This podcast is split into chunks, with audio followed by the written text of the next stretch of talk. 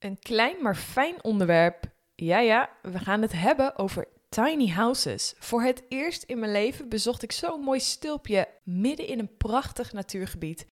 Ik ging langs Elke Rabé, een van de eerste tiny house bewoners in Nederland. Na jaren wonen in de Franse Alpen besloot ze bij terugkomst in Nederland haar eigen tiny house te bouwen. Als extra uitdaging ontwierp ze haar huis om haar spullen heen en ze niets nieuws te kopen. Elke leeft, zoals ze dat zelf zo mooi zegt, graag simpel. Doet alles op de fiets, was zich grotendeels op de ouderwetse manier, ook al heeft ze een douche. Produceert zo weinig mogelijk afval en geniet van de kleine dingen. Elke heeft echt zo'n positieve, optimistische houding. Dus het is een heerlijk gesprek. Laten we snel met de aflevering beginnen. She loves to travel far, drink beer in a bar, buying clothes online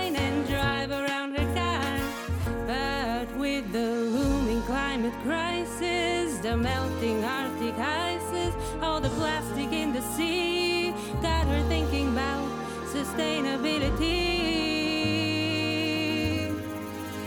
Test, test is sustainability. Woo!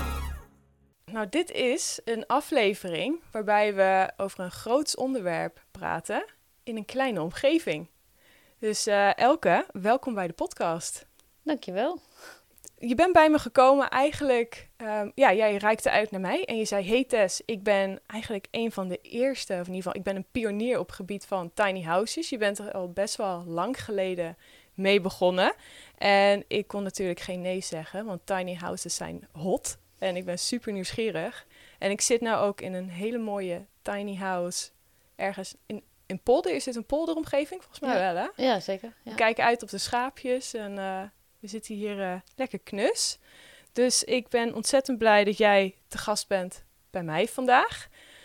Allereerst, Elke, kan je mij wat vertellen over jouw reis naar duurzaamheid? Hoe is het, het onderwerp bij jou begonnen? Ja, ehm, sowieso tijdens mijn studie. Maar ik denk dat het daar voorafgaand al wel ehm, eh, een andere manier is waar, waardoor eh, ik bij duurzaamheid terecht ben gekomen. En dat is gewoon het zijn in de natuur. Eh, ik ben echt een buitensporter geweest altijd. Van jongs af aan al eh, bij de scouting. En dan gingen we klimmen en lange wandeltochten door de bergen. En ehm, als je dan zo in de natuur loopt, dan op een gegeven moment krijg je ook zo'n gevoel van: oh, dit, dit moet wel behouden blijven, want dit is gewoon te mooi.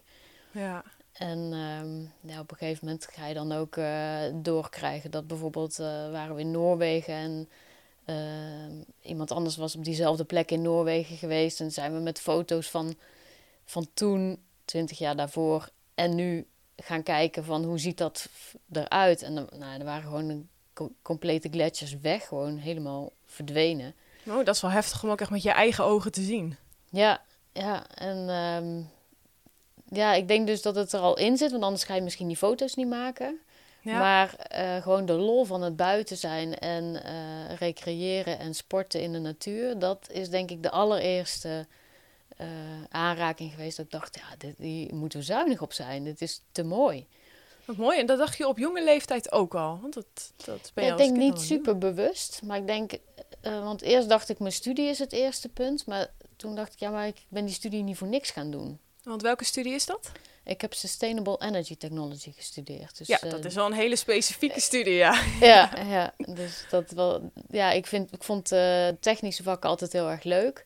Maar ik wilde wel dat het een heel duidelijke component in de maatschappij zou eh, hebben. En eh, ja, deze, deze studie had dat heel duidelijk.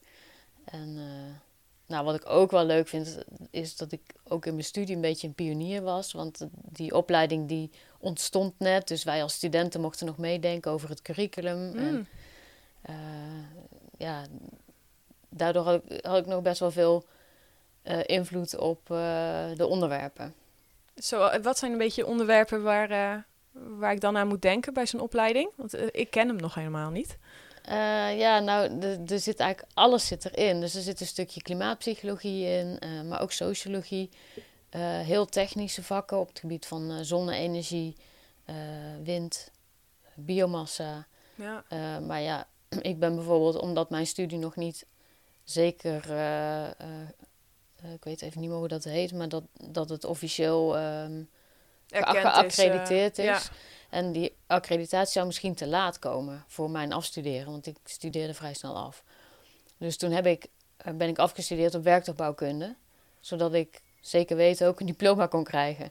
Ja. En eh, daar heb ik juist weer heel veel, eh, heel technische vakken gehad. eh, natuurkunde en ehm, eh, ehm, thermodynamica en nou ja, al- alle gewoon Stoer. warmte werktuigbouwvakken, zeg maar. Ja, oh, wat stoer. En als student leefde jij dan ook ehm, duurzamer dan andere studenten? Nou, zeker niet zoals ik nu leef. Dat, dat, daar is echt nog wel veel in veranderd. Ik, ik had geen vlees, of heel weinig, maar dat is ook wel heel makkelijk, want ik vond het gewoon niet zo lekker. Dat scheelt. Ja, en, ehm, maar lang niet zoals nu. Nu zijn er wel echt nog heel veel meer onderwerpen bijgekomen. Ehm, maar ik ben wel ook, en dat, ik denk niet dat ik dat allemaal heel bewust deed, maar ik heb nooit zo heel erg veel gegeven om spullen. Eh, in de zin van eh, heel, heel overdreven, eh, buitensporige dingen die ik dan wilde hebben. Dat heb ik eigenlijk nooit echt heel erg gehad. Hm. Ik, ik denk, als ik dat met mezelf vergelijk, dat, dat we dan echt heel erg tegen haaks op elkaar staan. Van, in ieder geval hoe ik dan ook was hoor. Oh ja? Meer is beter en de nieuwste gadgets en noem maar op. Dat, dat was wel echt een dingetje. Dus wel mooi om te horen dat het al best wel jong er al in zat. Waar nu mensen eigenlijk heel erg bewust mee bezig zijn om dat nou ja, eigenlijk een beetje af te leren, zoals ik. Ja, En als je kijkt naar je leven ehm, nu, kan je iets omschrijven hoe je, nou ja, hoe je dagelijkse leven er nu uitziet? Want ik, ehm, ik heb al een beetje research naar je gedaan en ik vind jou een, echt, als ik een duurzaam persoon moet omschrijven, dan noem ik jou als een duurzaam persoon. oh ja. Zeker, zeker. Dus ehm, ja, kan je, kan je wat vertellen over, nou, hoe, hoe, reis je, hoe leef je ehm, en natuurlijk hoe woon je? Ja, nou, ik eh, woon dus in een tiny house. Ehm, eh, dat heb ik ook zelf ontworpen. En ehm, ik heb dat met een aannemer eh, die het casco heeft gebouwd, ook zelf afgebouwd. En ja, echt het, het hele ontwerp en ja, de weg daar naartoe eh, zelf afgelegd, zeg maar. Want ehm, ik heb eigenlijk uiteindelijk heb ik twee eh, tiny houses gebouwd. En bij de eerste had ik een tiny house bouwer en bij de tweede heb ik een gewone aannemer gehad.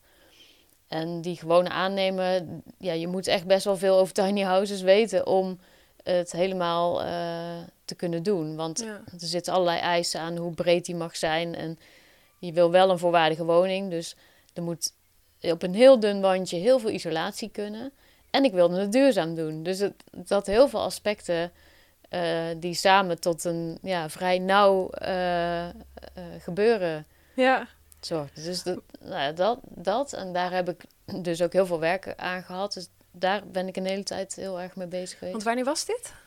Wanneer begon je Ehm, ermee? Me- het ontwerpen in 2016. In 2015 is eigenlijk zeg maar, de kogel door de kerk gegaan voor, in mijn hoofd dan. Ja. En eh, in 2016 ben ik bezig geweest met het eh, ontwerp en het vinden van een bouwer en het vinden van een plek. En ehm, in april 2017 is de bouw begonnen. Kijk, en nog een stap terug. Wat was voor jou die beslissende factor? Wanneer ging die kogel door de kerk? Dat je zei van, oké, ik kies voor een tiny house nu. Ja, Ehm, nou, ik, ik woonde ehm, daarvoor in Frankrijk. En voordat ik in Frankrijk woonde, woonde ik ook gewoon in een eh, hoekhuis, 130 vierkante meter, eh, met twee personen. Dus echt heel groot. En toen gingen we naar Frankrijk en daar zouden we zeven maanden heen gaan. Maar we hadden wel ons huis opgezegd. Dus we hadden alles in een container gedaan. Dus ik denk dat we onbewust wel wisten dat het langer dan zeven maanden ging worden. Maar goed, Ja. we hadden dus spullen voor zeven maanden bij ons in Frankrijk. En we hebben er drie jaar of zoiets gewoond. Zo.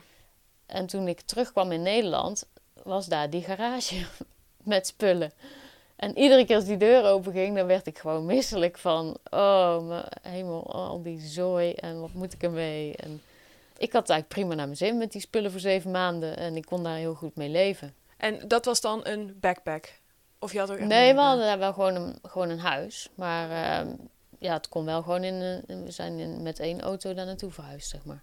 Dus je deed weer de garage er open en je dacht... Oh, wat, wat moet ik hiermee? Ja, En toen? nou, en toen ehm, hadden we dus... Die, ik had het Frankrijk-avontuur gehad en ik eindigde hier eh, in Nederland. eh, en toen dacht ik, ja, ik kan eigenlijk prima eh, met de spullen die ik nu heb eigenlijk leven. Dus, en ik droomde al heel lang over tiny houses. Ik had, denk ik, tien jaar daarvoor voor het eerst erover gelezen. Eh, maar toen ging het allemaal nog over Amerika. In Nederland was er eigenlijk nog niet zoveel aan de hand.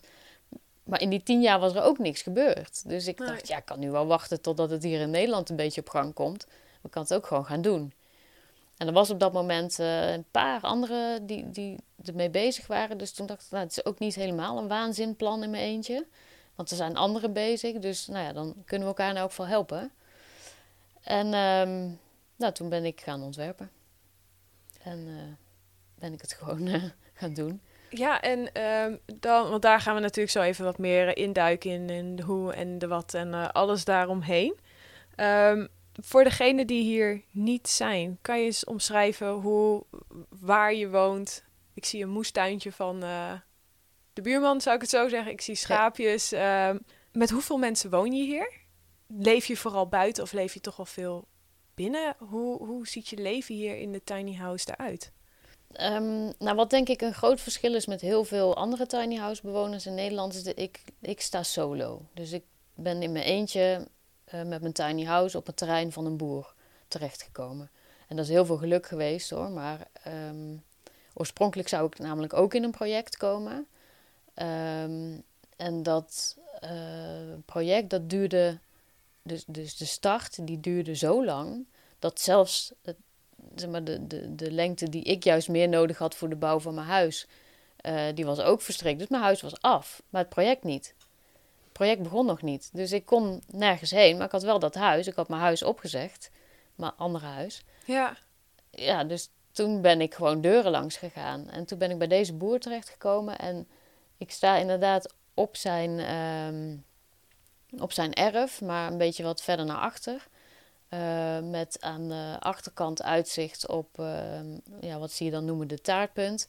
Dat is een eh, groot eh, poldergebied, een natuurgebied. Het is ook teruggegeven aan de natuur. Dus eh, ja, heel veel groen, heel veel eh weidevogels. Ja. ehm, magisch. ja, echt Echt prachtig. de plek voor een natuurliefhebber. eh. Ja, ja, ik kan ook zo eh 10 kilometer ver kijken aan die kant. En eh, inderdaad, om mij heen eh, de schapen van de boer.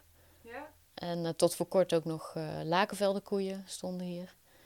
Die zijn, zijn van die hele mooie koeien met zo'n witte band. Ja, oh geweldig. ja. Ik, ik vind het wel mooi. Maar dit, ehm, deze woning, je zegt van, ah, ik, ik was toen, ik had toen de woning gebouwd. En alleen, er was nog geen locatie. En volgens mij bedoel je dan dat normaal gesproken tiny houses, die gaan dan als een soort community worden ergens neergezet? Of eh, bedoelde je dat met het project? Ja, ja, in dat project zouden we ook met een paar eh, tiny houses op één eh, plek staan. En dan, ehm, eh, ja, een project bedoel ik ook een beetje mee, dat is bijna altijd tijdelijk. Ja. En ehm, dat was dat ook. En daar zouden we, geloof ik, twee tot drie jaar of zo mogen staan. Maar toen kwam ik dus hier terecht. En ja, ik had die vraag aan deze boer ges- gesteld: van kent u misschien iemand met een stukje grond waar ik even kan staan in de tussentijd? Nou ja, en toen belde die me twee dagen later op van... eh, ja, ik heb zelf nog wel een stukje, eh, kom maar eens kijken.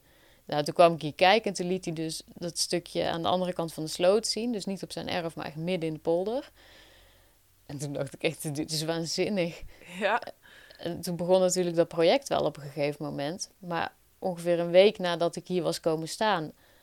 met in mijn eh, optiek een eh, tijdelijke oplossing... vroeg de boer, eh, ga je ook een tuin aanleggen? Ik een tuin aanleggen? Sta je toch tijdelijk? Nou, nee, ja, wat mij betreft mag je hier blijven. Ja, toen dacht ik, nou, dit is, dit is gewoon de droom. Dat je gewoon in je eentje ergens... tenminste, ja, communities zijn ook heel leuk... Maar dit is natuurlijk ja, zo'n mooie plek. Dat, dat vind je nergens meer. En ja, dat vind ik ehm, nog steeds wel moeilijk bij tiny houses. Ik vind die mensen die geven ergens ook best wel veel op. Hè? Het, is, het is natuurlijk waanzinnig om zo te wonen, maar tegelijkertijd eh, geef je ook best wel veel, je levert ook wel wat in. Hè? Het, het is wat, wat ingewikkelder, zeker in de winter. Het is klein. Wat, Eh, wat, daar ben ik heel benieuwd naar. Als het zegt het is ingewikkelder in de winter, wat maakt het ingewikkeld? Nou, we hebben bijvoorbeeld wat vaker last van dat de boel bevriest. Eh, dus je moet wel in de gaten houden dat eh, je waterleidingen eh ontdooid blijven. En het is wat, ja, als je, als je je huis slecht bouwt, zeg maar, best, kan, kan het koud zijn. Ik heb daar gelukkig geen last van, want ik heb hem dus zo gebouwd of zo ontworpen dat ik heel veel zoninstraling heb. En vanaf dat de zon schijnt, is het binnen 10 minuten hartstikke warm. Dus dat Ja, werkt want ontzettend je goed. hebt het inderdaad zelf gebouwd. Je hebt nou ook een, een studie werktuigkunde, werktuigbouwkunde. Nul dit test. maar ehm, moet je technisch aangelegd zijn en ja, om zoiets te kunnen maken? Want je hebt er inderdaad wel echt iets moois neer weten te zetten. Ehm, nou, ik denk dat dat nog wel meevalt. Want ik, ja, ik heb dan een universitaire, of, ja, op de Technische Universiteit gestudeerd. Ja, wat ik daar heb geleerd, heb ik nou niet per se toegepast hier. Want ja, het bouwen zelf is natuurlijk gewoon eh, handenwerk. Ja. Ehm, maar een beetje, ik denk dat het belangrijkste is, mm, ja, een klein beetje over, over isolatie en zo zou je moeten weten. Eh, maar dat, dat weet een aannemer ook nog wel. Dan zou je je echt moeten inlezen meer op het gebied van dus dat, dat, dat het zo klein is en dat je moet voldoen aan die isolatie-eisen. Maar dat heb ik gewoon allemaal op internet opgezocht. Ja. Ehm, verder denk ik dat het belangrijkste gewoon creatief is. Dus de, wat jij zei toen je binnenkwam van ja, alles heeft een dubbele functie. Ja, dat klopt. Alles heeft een dubbele functie. Dat vond ik zelf het allermooiste om te doen. En ik heb mezelf een kleine extra uitdaging meegegeven. Ik wilde niks nieuw kopen van het interieur. Dus alles is ook echt gebouwd om de spullen die ik al had. En om een voorbeeld te geven, mijn, mijn eh, trap is ook een kast.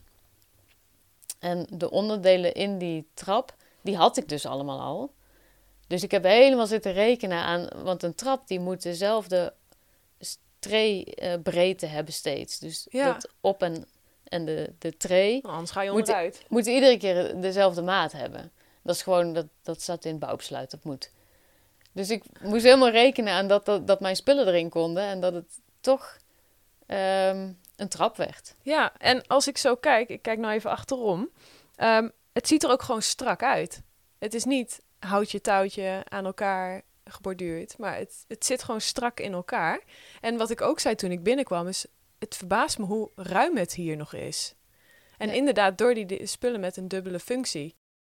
Wat zijn de twee grootste lessen die jij hebt geleerd bij het maken van een tiny house, van het ontwerpen van een tiny house? Ehm, nou, dat zeker de buitenkanten van het huis eh, is wel gewoon wel echt belangrijk dat je dat goed laat doen. Dus ehm, eh, dit huis is door een aannemer gebouwd en ik heb bij eh, dit huis extreem geïnvesteerd in de kozijnen. Ehm, dus ik heb nu aluminium kozijnen waardoor het nou, bij, bij het eerste huis heb ik heel veel lekkage gehad. Echt eh, vreselijk. En eh, bij dit huis heb ik dus gekozen voor aluminium, omdat ik dat mooier vind, strakker. En op de lange duur is het duurzamer, want ik hoef er nu nooit meer wat aan te doen. Dus ik hoef nooit meer te schilderen en al dat soort dingen in de natuur. Is dan natuurlijk ook weer schadelijk voor de natuur. Stel je voor dat je dit opnieuw zou moeten schuren Ja. en weer opnieuw zou moeten verven. Dat is natuurlijk niet per se heel erg lekker om dat hier te doen in zo'n mooi poldergebied. Nee. Dus eh, dat, dat, investeren in je, in je ramen. En, en wel ook op energiegebied, dus dat ze gewoon eh, goed isoleren. En verder ehm, veel plezier hebben in het proces. En dat is niet per se dat ik dat geleerd heb, want dat was mijn doelstelling. Maar eh, in de bouw kom je echt wel momenten tegen dat je denkt: oh nee.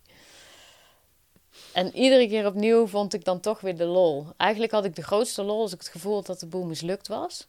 Want dan dacht ik, nou, nu kan het toch niet meer erger worden. En dan zet ik een muziekje op en dan ging ik gewoon dansend verder. En dan, dan had ik eh, ja, gewoon weer de grootste lol. Ik denk ook vooral in eh, deze tijden van corona dat het een houding is waar heel veel mensen echt wel wat van kunnen leren. En het ook heel erg veel, ja, je ook heel erg goed zal doen. Om juist het plezier van, eh, van bepaalde momenten in te zien. Ja, ja ik, ik ben ook wel heel erg blij dat dat redelijk vanzelf gaat. Ik bedoel, ik, ik prent mezelf in. Hè, Ja. dat, dat, dat heb je natuurlijk wel even nodig. Maar dan lukt het ook wel steeds weer. En wat heeft een tiny house jou gebracht? Wonen in een tiny house versus toen je woonde in een, volgens mij een rijtjeswoning of een hoekwoning. Ehm, ja, dat ik dus inderdaad nog meer buiten ben. Dat vond ik altijd al heel erg fijn. Maar dit nodigt enorm daartoe uit. Ehm, en mijn hele duurzame leefstijl, die ik dus eigenlijk al wel een beetje had, Ja? eh, wordt gestimuleerd door dat kleine huis. Want ik word helemaal nooit, ja, natuurlijk, ik word verleid. Door gewoon, net als jullie verleid worden, door eh, alle reclames en weet ik wat. Maar het is voor mij heel makkelijk om te denken, ja, ik vind het echt hartstikke mooi en prachtig, maar waar ga ik het neerzetten? Maar ja, Dus ik, heb, ik kan die neiging voor mezelf heel makkelijk blokkeren. Want ik, ik wil gewoon geen, geen spullen meer. Want ik kan ze niet kwijt. ja. En Ja. heel stiekem is dat niet waar, want ik heb nog wel ergens, ik heb zelfs nog eh, ruimte in laadjes over. Maar ja, ik wil het gewoon niet. En dan vind ik het makkelijker om tegen mensen te zeggen, bijvoorbeeld als ik jarig ben of zo, ik wil alsjeblieft geen cadeaus. Geef me een beleving, maar geen spullen. Ja. En zelfs dan lukt dat niet altijd hoor. Want er zijn echt nog steeds mensen die met spullen aankomen bij mij. Maar ja, het, het maakt het wel veel makkelijker voor mensen om te snappen dat ik niks wil. Snap ik. Ik snap het. Ik snap het ook, ja, absoluut. En ehm, tiny houses zijn echt hot op dit moment. Hè? Je, ehm, vooral nu met de woningnood. Je ziet ook veel mensen die nu onderzoek doen naar een, een tiny house. Voor wie zou je zeggen is een tiny house een aanrader en voor wie ook absoluut niet? Ehm, ja, ik denk in principe voor iedereen die, die op het allereerste ogenblik zegt: Oh, dat is mooi. Of, hè, of als je heel graag buiten wil wonen, eh, dan zeker. Als je heel erg op luxe bent, dus eh, een, een, een groot lichtbad met bubbels en eh, dat soort dingen, dan niet. Misschien als je het combineert in een bed of zo. Dat je gewoon in je bed een badkamer maakt. nee, te creatief? Nee, hè? Nou, ja, ik zie het al voor me hoor, maar dat is misschien mijn brein. Maar eh, nou ja, je kan heel veel dubbelfuncties maken, dus wat dat betreft eh, misschien nog niet zo gek gedacht. Nee, maar d- ik zie wel eens op televisie dingen en dan denk ik, oh ja, nee, als je zo in elkaar zit, dan zou een tiny house misschien geen goed idee zijn. Maar voor de rest denk ik, ja, eh, iedereen die, die hier binnenkomt en zegt, oh wauw, ja, waarom niet? Ehm, maar ik denk dat ik ken, ik ken gewoon ontzettend veel mensen die zeggen: Ja, ik vind het echt geweldig om te zien, maar ik zou zo zelf niet hoeven, hoeven te wonen. Dus ik denk dat mensen het van zichzelf wel weten. Ja. Denk je dat het ook haalbaar is om als een ge- gezin in een tiny house te wonen? Nou, ik ken meerdere gezinnen, dus het kan zeker. Maar dan denk ik wel een ietsje, ietsje grotere dan deze. Want hoe groot is deze? Deze die is eh 2,35 breed en eh 47 lang binnenmaten dan, hè, want buiten is die Ja. net iets groter. En wanneer is iets geen tiny house meer? Weet jij dat? Wanneer wordt het gewoon gezien eigenlijk als een kleine woning? Ja, nou dat is het nadeel van de hype. Dat bijna alles heet nu een tiny house als het een beetje klein is. Ja. Ehm, ik, eh, ja, ik ben, ik ben nog een beetje van de ouderwetse. ik ben natuurlijk eh, in, bij de eerste pioniers geweest en die, die zijn allemaal bezig geweest met huizen op wielen. En daar is dit zo'n beetje de, de maximale afmeting vanwege de trailer. Ja, Je kan hem nog ietsje langer maken, maar qua trailer is dit dan de breedte. En wat je ziet bij gezinnen, die hebben dan echt een heel ander onderstel. Waardoor je hem ook anders transporteert. Ehm, en ik denk voor een gezin is het wel fijner als het net even ietsje breder is. ja. Ja, ik, ik, ik kan het me voorstellen. En ik ken, geloof ik, ook geen gezinnen die deze breedte hebben. De meeste hebben wel een bredere dan. Terwijl, ja, zoals ik al zei, als ik hier rondloop, denk ik van, ja, het, is, het is nog steeds wel ruim.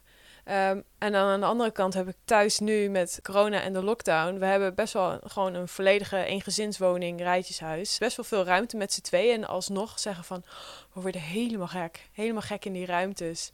Dus dan heb ik ook weer, denk van, dan vind ik het ineens wel spannend om te denken van, oh maar wat als we met z'n tweeën een tiny house zouden hebben? Ik zie echt de voordelen van en vooral in die omgeving.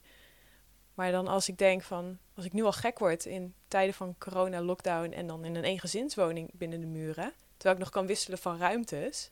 Ja. Ja, ik kan me heel goed voorstellen. Kijk, ik, ik heb het voordeel dat ik hier alleen woon. Ehm, en daardoor zit je elkaar ook minder in de weg. Ja, Ehm, maar ehm, denk, ik, ik spreek ook wel eens andere mensen natuurlijk die ook eh, klein wonen. En eh, ja, wij zijn wel echt veel meer gericht op buiten. Dus ik, ik zit ook zo min mogelijk binnen. Ik ben gewoon echt heel veel buiten. En ik denk dat veel tiny house bewoners wel buiten...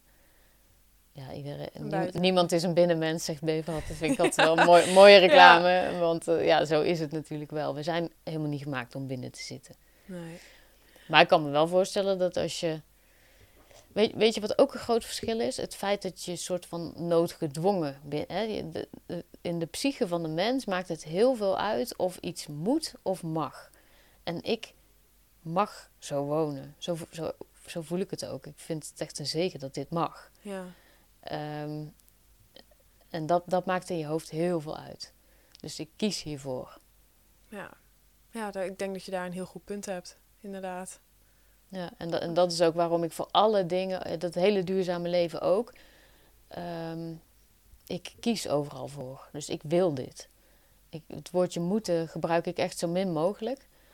Ehm, ik ben bijvoorbeeld ook eh, klimaatambassadeur, heet dat dan. En ik doe klimaatgesprekken. En ik ben sinds kort zelfs coach bij klimaatgesprekken. Ehm, en dat vind ik heel erg leuk. Maar ik ben niet iemand die ehm, mensen gaat overhalen. Ik laat Nee. zien hoe ik leef. En vanuit inspiratie wordt er dan wel of niet iets geboren. En als, er als het gebeurt, vind ik het prachtig. En dan wil ik mensen, want dan komen ze meestal gewoon met vragen. En dan wil ik ze alles vertellen. Maar ik ga niet pushen. Dus ehm, ja, ik, ik zet dat eigenlijk overal in. De, die, die lol waar ik het net over had. Ja, En het, en het dit willen. En dat maakt heel groot verschil. absoluut. En ik denk dat het ook heel erg aanstekelijk werkt eh, Ja, voor anderen. ja dat, maar dat realiseer ik me dus. Hè, als ik jou dan ook zo hoor, dan eh, dat je zo vertelt van ja, maar je hebt zo'n ander leven. Kijk, voor mij is dit de normale gang van zaken. Dus ik moet som- soms echt wel realiseren dat mensen dit heel inspirerend vinden. Absoluut. En we vliegen echt door de tijd heen. En ik heb nog een paar vragen voor mensen die heel erg, nou ja, toch iets hebben van, hey, weet je, ik voel dat dit iets voor mij is. Ehm, nog wat praktische vragen. Bijvoorbeeld, je hebt je tiny house ontworpen. Waar bepaal je waar je hem gaat neerzetten? Mag, mag dat gewoon overal hier in Nederland? Stel, ik zie ergens, eh, ik woon zelf op de Veluwe. Nou, ik zie een mooi plekje ergens op de hei. Mag ik daar dan gewoon een tiny house plaatsen? Nee, nee, helaas. Nee, dat is eh, denk ik het, het aller, punt voor, eh, voor iedereen die in deze wereld bezig is. Ehm, het is heel moeilijk om een plek te krijgen. Eh, vandaar dat er toen veel projecten waren en dat ik ook heb ingezet in eerste instantie op een project. Ehm, want de gemeente, zeker toen, hè, want ehm, eh, ik ben dus in 2016 begonnen met zoeken naar een plek. En toen moest je nog uitleggen wat een tiny house was. Niemand, niemand kende die hele term. En dus wat dat betreft is eigenlijk wel opeens veel gebeurd. Want eh, ik hoorde laatst dat de tiny house community nu eh, tienduizenden leden heeft. Dus er zijn heel veel mensen geïnteresseerd in. Ehm, maar die plek is echt nog steeds een eh, heel groot probleem. Je zit, je zit sowieso met bestemmingen. Dus het moet al een woonbestemming hebben. En waarschijnlijk dat plekje op de Veluwe, die mooie uh, hei-situatie, die heeft bestemming natuur of agrarisch. Of, Ja. Ja, soms kan je een tijdelijke eh, verandering van het bestemmingsplan eh, krijgen, maar ook heel vaak niet. En eh, ja, ik heb hier dus ook best wel. Ik ben ook uiteindelijk van die plek aan de andere kant van de sloot weer eh, naar hier gekomen. En dan heb ik dus mazzel dat het hier wel gelukt is, maar ja. ja, ik had. Ik, had, ik heb alles altijd eh, in over, of hoe noem je dat, in eh, samenspraak met de gemeente gedaan. En toch is het daar misgegaan. Terwijl ze wisten wat ik aan het doen was en opeens had ik toch een probleem. Ja. Nou ja, en voor de rest eh, zie je dus dat heel veel eh, projecten tijdelijk zijn. En dat vind ik toch ergens wel, ja, wel gewoon heel jammer voor al die mensen die dit doen. Die, die- ja, je moet gewoon heel blij zijn met als je ergens vijf jaar mag staan. Ja. ja, bijzonder hè? Plus iedereen wil natuurlijk dat verborgen pareltje ergens midden in de natuur vinden. Dus ehm, ja, je kan Ja. wel ergens een tiny house in een woonwijk plaatsen, maar dat is niet het gevoel wat je wil hebben met zo'n eh, met zo'n woning. Vaak niet, nee. Maar wa- wat je nu wel ziet, dat is volgens mij een recente ontwikkeling. Dat ehm, eh, landelijk is het de bedoeling dat er meer natuur gecreëerd wordt. En dat je dus veel projecten ziet die eh, natuur creëren. Dus dan komt er nog een voedselbos naast of zo. Ja, En dan geef je uiteindelijk dat stuk weer terug aan de natuur. Ook dat zijn vaak wel tijdelijke projecten. Maar dat zou ik zelf nog wel iets heel prachtigs vinden. Want dan heb jij dus met je groepje daar eh, meer natuur gecreëerd. Dan ga je weg, dan ga je ergens anders weer meer natuur creëren. Dat Ja. vinden mensen ook leuk om te doen. Je draagt extra bij, past helemaal bij dat eh, duurzaamheidsideaal... wat veel tiny house bewoners toch ook wel hebben. ja, Dus daar zie ik toch nog wel, eh, nog wel kansen. Dat je dan toch ook op een mooie plek staat die alleen maar mooier wordt terwijl jij daar bezig bent. Ja, ja. dat, dat ja, is natuurlijk dat- wel mooi. That's the dream. En dan, eh dat is goed voor de afdruk. En ehm, Ja. als jij een, een laatste toptip met al jouw ervaringen, kennis op gebied van tiny house kan geven aan iedereen die een tiny house wil beginnen, wat is jouw grootste tip wat je ze kan meegeven? Zonder in herhaling te vallen, want als ik in herhaling val, zou ik zeggen, ja, blijf er gewoon lol in hebben. Ehm, ja, eentje die je ook heel vaak hoort is, ga het gewoon doen. Ehm, want er zijn zoveel mensen die erover dromen. Ik bedoel, die 10.000 die gaan echt niet allemaal in een tiny house wonen. Ik heb heel veel groepjes begeleid, eh, die dus net als ik eh, zo'n groepje vormden. En daar zie je gewoon toch altijd mensen weer afhaken. Dus ehm, ja, ik denk dat de, de, de belangrijkste tip is om in elk geval contact te zoeken met andere mensen die het ook willen. Want het is zoveel werk. Ehm, zeker nu nog. Het, misschien verandert het in de tussentijd wel een beetje. Maar ehm, ja, zoek mensen op die, die het al gedaan hebben of die ermee bezig zijn. En ga ook als je naar de gemeente gaat, ehm, laat zien dat er meer mensen zijn die dit willen. In mijn tijd was ik de enige en toen zei de gemeente ook vaak van... eh, ja, voor één persoon gaan we zoveel werk niet doen. Ja, ze hebben gelijk eigenlijk. Ja, Want het is ook vanuit de gemeente, ook al deed ik ze heel veel zelf... het is ook vanuit de gemeente natuurlijk wel eh, aanpassen. En elke aanpassing kost tijd. ik denk een super valuable, goede tip waar veel mensen ook wat aan hebben. Dus ehm, dat brengt ons alweer op het einde. Het vliegt echt voorbij. Ik heb nog echt twee pagina's vol aan vragen. Dus eh, ik zou nog zo lang door kunnen gaan. De challenge. Ik ben bang en nieuwsgierig en ik heb er zin in. Dus eh, vertel, wat is de challenge? Ben je bang? ik, moest, ik moest natuurlijk even uitleggen van tevoren van wat, eh, wat is mijn huidige woonsituatie. Zei, oh ja, oh ja, nee, dat kan de challenge wel. Dus ik, ik heb geen idee wat me te wachten staat, dus vertel. Nee hoor, het valt heel erg mee. Want ik, ik, nogmaals, ik vind dat je niks moet. Eh, dus eh, kies hoe je hem eh, zelf wil insteken. Maar ik dacht, wat natuurlijk leuk is, is... eh, ehm, wat leuk is aan wonen in een tiny house, is dat op het moment dat je dat gaat doen... ehm, moet je heel duidelijk keuzes maken... Moet je, mag je, heel duidelijk keuzes maken van wat, wat gaat er mee. Hè? Dus wat wil ik per se behouden. En, en zoals je weet van mij, als je hier ook rondkijkt, ik heb heel veel spullen dus behouden. Ehm,